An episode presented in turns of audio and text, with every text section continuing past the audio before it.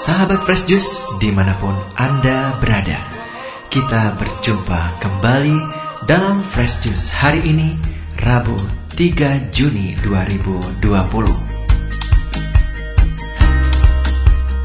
Bacaan dan renungan akan dibawakan oleh Romo John Laba SDB dari Tangerang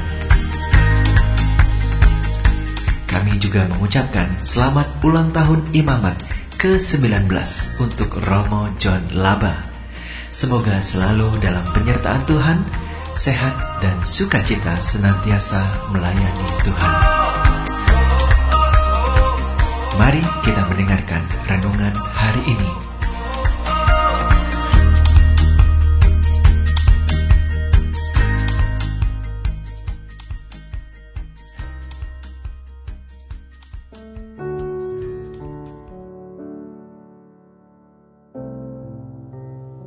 Saudari dan saudara yang dikasih Tuhan, jumpa lagi bersama saya Romo John Laba SDB dalam Daily Fresh Juice pada hari ini, hari Rabu Pekan Biasa yang ke-9, bertepatan dengan peringatan wajib Santu Karolus Luangga dan kawan-kawan. Sumber inspirasinya dari Injil hari ini, Injil Markus bab 12 ayat 18 sampai 27. Sekarang saya bacakan. Pada suatu hari, datanglah kepada Yesus beberapa orang Saduki yang berpendapat bahwa tidak ada kebangkitan.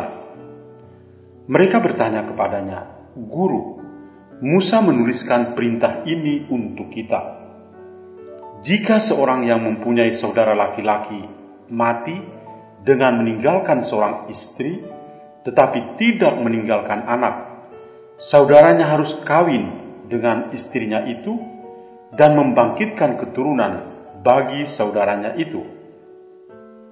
Adalah tujuh orang bersaudara. Yang pertama kawin dengan seorang perempuan dan mati dengan tidak meninggalkan keturunan. Lalu yang kedua juga mengawini dia dan mati dengan tidak meninggalkan keturunan.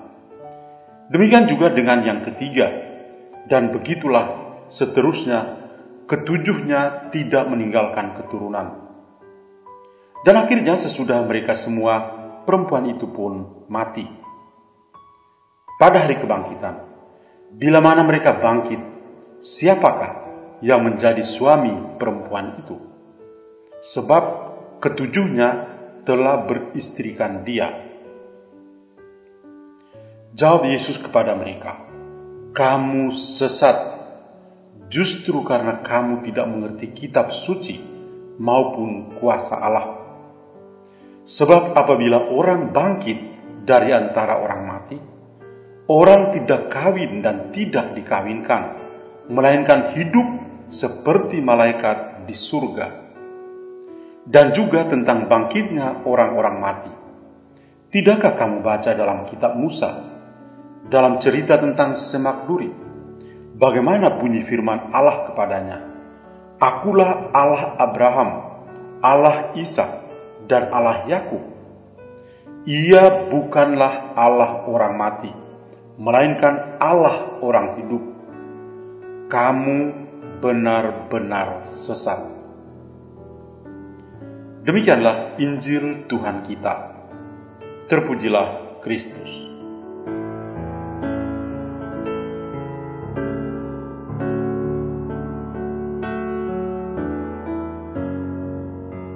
Saudari dan saudara terkasih, saya memberi judul renungan hari ini, Aku percaya akan Allah yang hidup.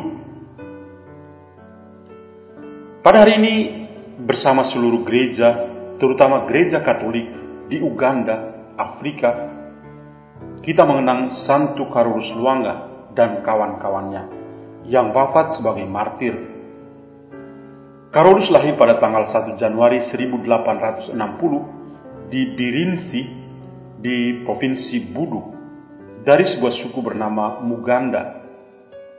Dia dikenal sebagai seorang yang berjiwa kepemimpinan yang luar biasa. Dia juga tekun dalam bekerja, sehingga dipercayakan untuk mengabdi Raja Wangga kedua dari Buganda. Carolus dibaptis pada tanggal 15 November 1885 oleh Pastor Cirol. Selama mengabdi raja yang tidak mengenal agama Kristen ini, Carolus Luangga secara sembunyi-sembunyi membaptis empat pelayan istana. Seorang di antaranya adalah Santu Kisito, seorang remaja priang serta murah hati yang baru berumur 13 tahun Dialah yang paling muda dalam kelompok mereka. Santo Karolus Luangga telah sering kali menyelamatkan Kizito dari nafsu jahat si raja. Selama masa penganiayaan umat Kristen, Karolus menunjukkan keteguhan iman dan keberanian iman Kristen yang luar biasa bagi mereka yang menghadapi kemartiran oleh karena iman Kristen yang teguh. Carolus dan teman-temannya wafat sebagai martir dengan dibakar hidup-hidup. Carolus sendiri dipisahkan dari teman-teman lainnya, dibakar perlahan-lahan dari kaki sampai kepala, menjelang siang pada hari Kamis tanggal 3 Juni 1886 di Nabugongo, Busale. Pada saat itu Carolus baru berusia 25 tahun. Pada saat ini Beliau adalah santu pelindung orang muda Afrika. Satu perkataannya yang terkenal adalah, bertobatlah dan jadilah orang Kristen seperti saya. Saya teringat Tertullianus, seorang bapak gereja dan tokoh apologet terkenal, pernah berkata, Il sangue dei martiri e il seme dei cristiani. Artinya, darah para martir adalah benih iman Kristiani.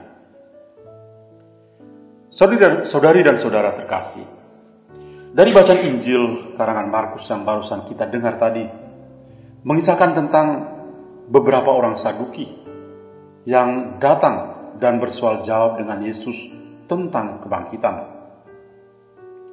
Orang-orang Saduki itu dikenal di kalangan luas pada masa Yesus di Yerusalem karena mereka itu tidak percaya akan kebangkitan badan dan kehidupan kekal. Mereka juga tidak dapat menerima konsep tentang surga yang tidak dapat dilihat oleh mata kepala mereka sendiri.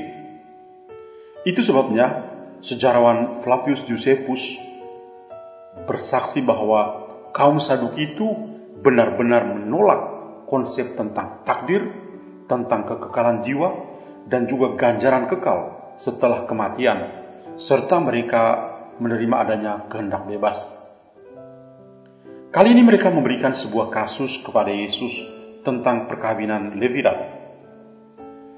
Perkawinan Levirat adalah perkawinan dengan saudara ipar untuk meneruskan keturunan dari orang yang sudah meninggal dunia. Maka kalau ada seorang saudara laki-laki meninggal dunia tanpa memiliki keturunan, maka adik laki-lakinya mempunyai kewajiban untuk mengambil janda itu menjadi istrinya. Nantinya anak sulung yang lahir dari perkawinan Lewidat ini secara legal akan dianggap sebagai anak dari suami yang telah meninggal itu. Tentang perkawinan Lewidat ini kita dapat membacanya dalam kitab ulangan khususnya bab 25 ayat 5 dan 6 dan menjadi nyata dalam kisah Yehuda dan Tamar dalam kitab Kejadian bab 38, tapi juga kisah Rut dan Boas dalam kitab Rut bab 4 ayat 1 sampai 21. Ini dapat membantu kita memahami makna perkawinan Levirat.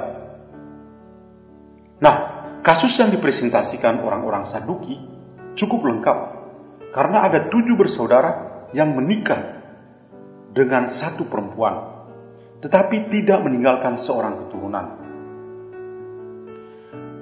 Wanita itu pun akhirnya meninggal dunia. Ini adalah kasusnya. Dan pertanyaan serta pernyataan untuk menguji kemampuan Yesus dari pihak orang-orang Saduki adalah, pada hari kebangkitan, bila mana mereka bangkit, siapakah yang menjadi suami perempuan itu?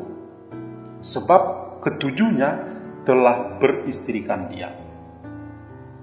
Saya membayangkan bahwa Tuhan Yesus pasti memandang mereka dengan penuh kasih, serta mengoreksi kesesatan berpikir mereka. Sebab itu Tuhan Yesus berkata begini, kamu sesat Justru karena kamu tidak mengerti kitab suci maupun kuasa Allah. Sebab apabila orang bangkit dari orang dari antara orang mati, orang itu tidak kawin dan tidak dikawinkan, melainkan hidup seperti malaikat di surga. Nah, di sini orang-orang Saduki itu ditegur karena mereka sesat dalam berpikir. Mereka tidak mengerti kitab suci dan juga kuasa Allah. Ini adalah titik kelemahan mereka, tetapi mereka tidak mengakuinya. Di samping itu, Tuhan Yesus juga menyadarkan mereka bahwa apabila orang bangkit dari antara orang mati, tidak mereka itu tidak kawin dan tidak dikawinkan, tetapi hidup mereka itu seperti malaikat di surga banyak kali kita juga seperti orang-orang Saduki ini. Kita juga tidak mengerti kitab suci dan kuasa Allah. Tetapi kita seolah-olah mengerti kitab suci dan kuasa Allah. Maka kita berlaku tidak seperti orang Kristiani yang sebenarnya. Tuhan Yesus juga membuka pikiran mereka untuk mengimani Allah yang benar. Allah yang benar adalah Allah yang hidup, yang diimani oleh orang-orang hidup. Musa mengalaminya di padang gurun ketika Tuhan Allah menyatakan dirinya sebagai Allah yang hidup. Tuhan berkata, Akulah Allah ayahmu, Allah Abraham, Allah Ishak, Allah Yakub. Lalu Musa menutupi mukanya sebab ia takut memandang Allah. Kitab Keluaran bab 3 ayat yang ke-6. Allah adalah sahabat orang-orang hidup yang pernah hidup di dunia ini seperti Abraham, Ishak, dan Yakub. Raja Daud sendiri pernah berbicara tentang kekekalan Allah yang hidup. Dia berkata, "Tetapi aku tetap dekat denganmu engkau memegang tangan kananku. Dengan nasihatmu, engkau menuntun aku. Dan kemudian engkau mengangkat aku ke dalam kemuliaan. Kitab Mazmur bab 73 ayat 23 dan 24. Pada hari ini kita semua dikuatkan untuk semakin percaya kepada Allah yang hidup. Mengapa demikian? Mari kita memandang Yesus yang wafat dan bangkit dengan mulia Kebangkitan Kristus menjadi kebangkitan kita juga untuk mengalami hidup abadi. Kebangkitan Kristus membuat kita percaya kepada Allah yang hidup. Berkaitan dengan ini, Santo Paulus pernah mengutip nubuat Yesaya ketika berkata, apa yang tidak pernah dilihat oleh mata dan tidak pernah didengar oleh telinga dan yang tidak pernah timbul di dalam hati manusia, semua yang disediakan Allah untuk mereka yang mengasihi Dia. Karena kepada kita Allah telah menyatakannya oleh Roh, sebab Roh menyelidiki segala sesuatu, bahkan hal-hal yang tersembunyi dalam diri Allah. 1 Korintus bab 2 ayat 9 dan 10. Hidup kekal adalah keinginan kita, harapan kita untuk tetap tinggal bersama Allah yang hidup. Ini adalah pengakuan iman Kristiani yang kita akui dengan bangga. Kita mengatakan, aku percayakan kebangkitan badan dan kehidupan kekal. Iman kita hari ini benar-benar diteguhkan oleh Tuhan Yesus. Marilah berdoa. Tuhan Yesus, pada hari ini kami memohon tambahlah iman kami, supaya semakin percaya kepada Allah yang hidup, yang Kau sendiri ajarkan kepada kami. Semoga hari ini kami juga mampu bersaksi tentang iman yang sama kepada saudari dan saudara kami. Amin. Dan kiranya kita semua senantiasa dilindungi dan diberkati oleh Allah yang Maha Kuasa, Bapa dan Putra dan Roh Kudus. Amin. Tuhan memberkati kita semua. Sahabat Fresh Juice, kita baru saja mendengarkan Fresh Juice Rabu 3 Juni 2020. Saya Yofi Setiawan beserta segenap tim Fresh Juice mengucapkan terima kasih kepada Romo John Laba untuk renungannya pada hari ini. Sampai berjumpa kembali dalam Fresh Juice edisi selanjutnya. Tetap semangat, jaga kesehatan, dan salam Fresh Juice.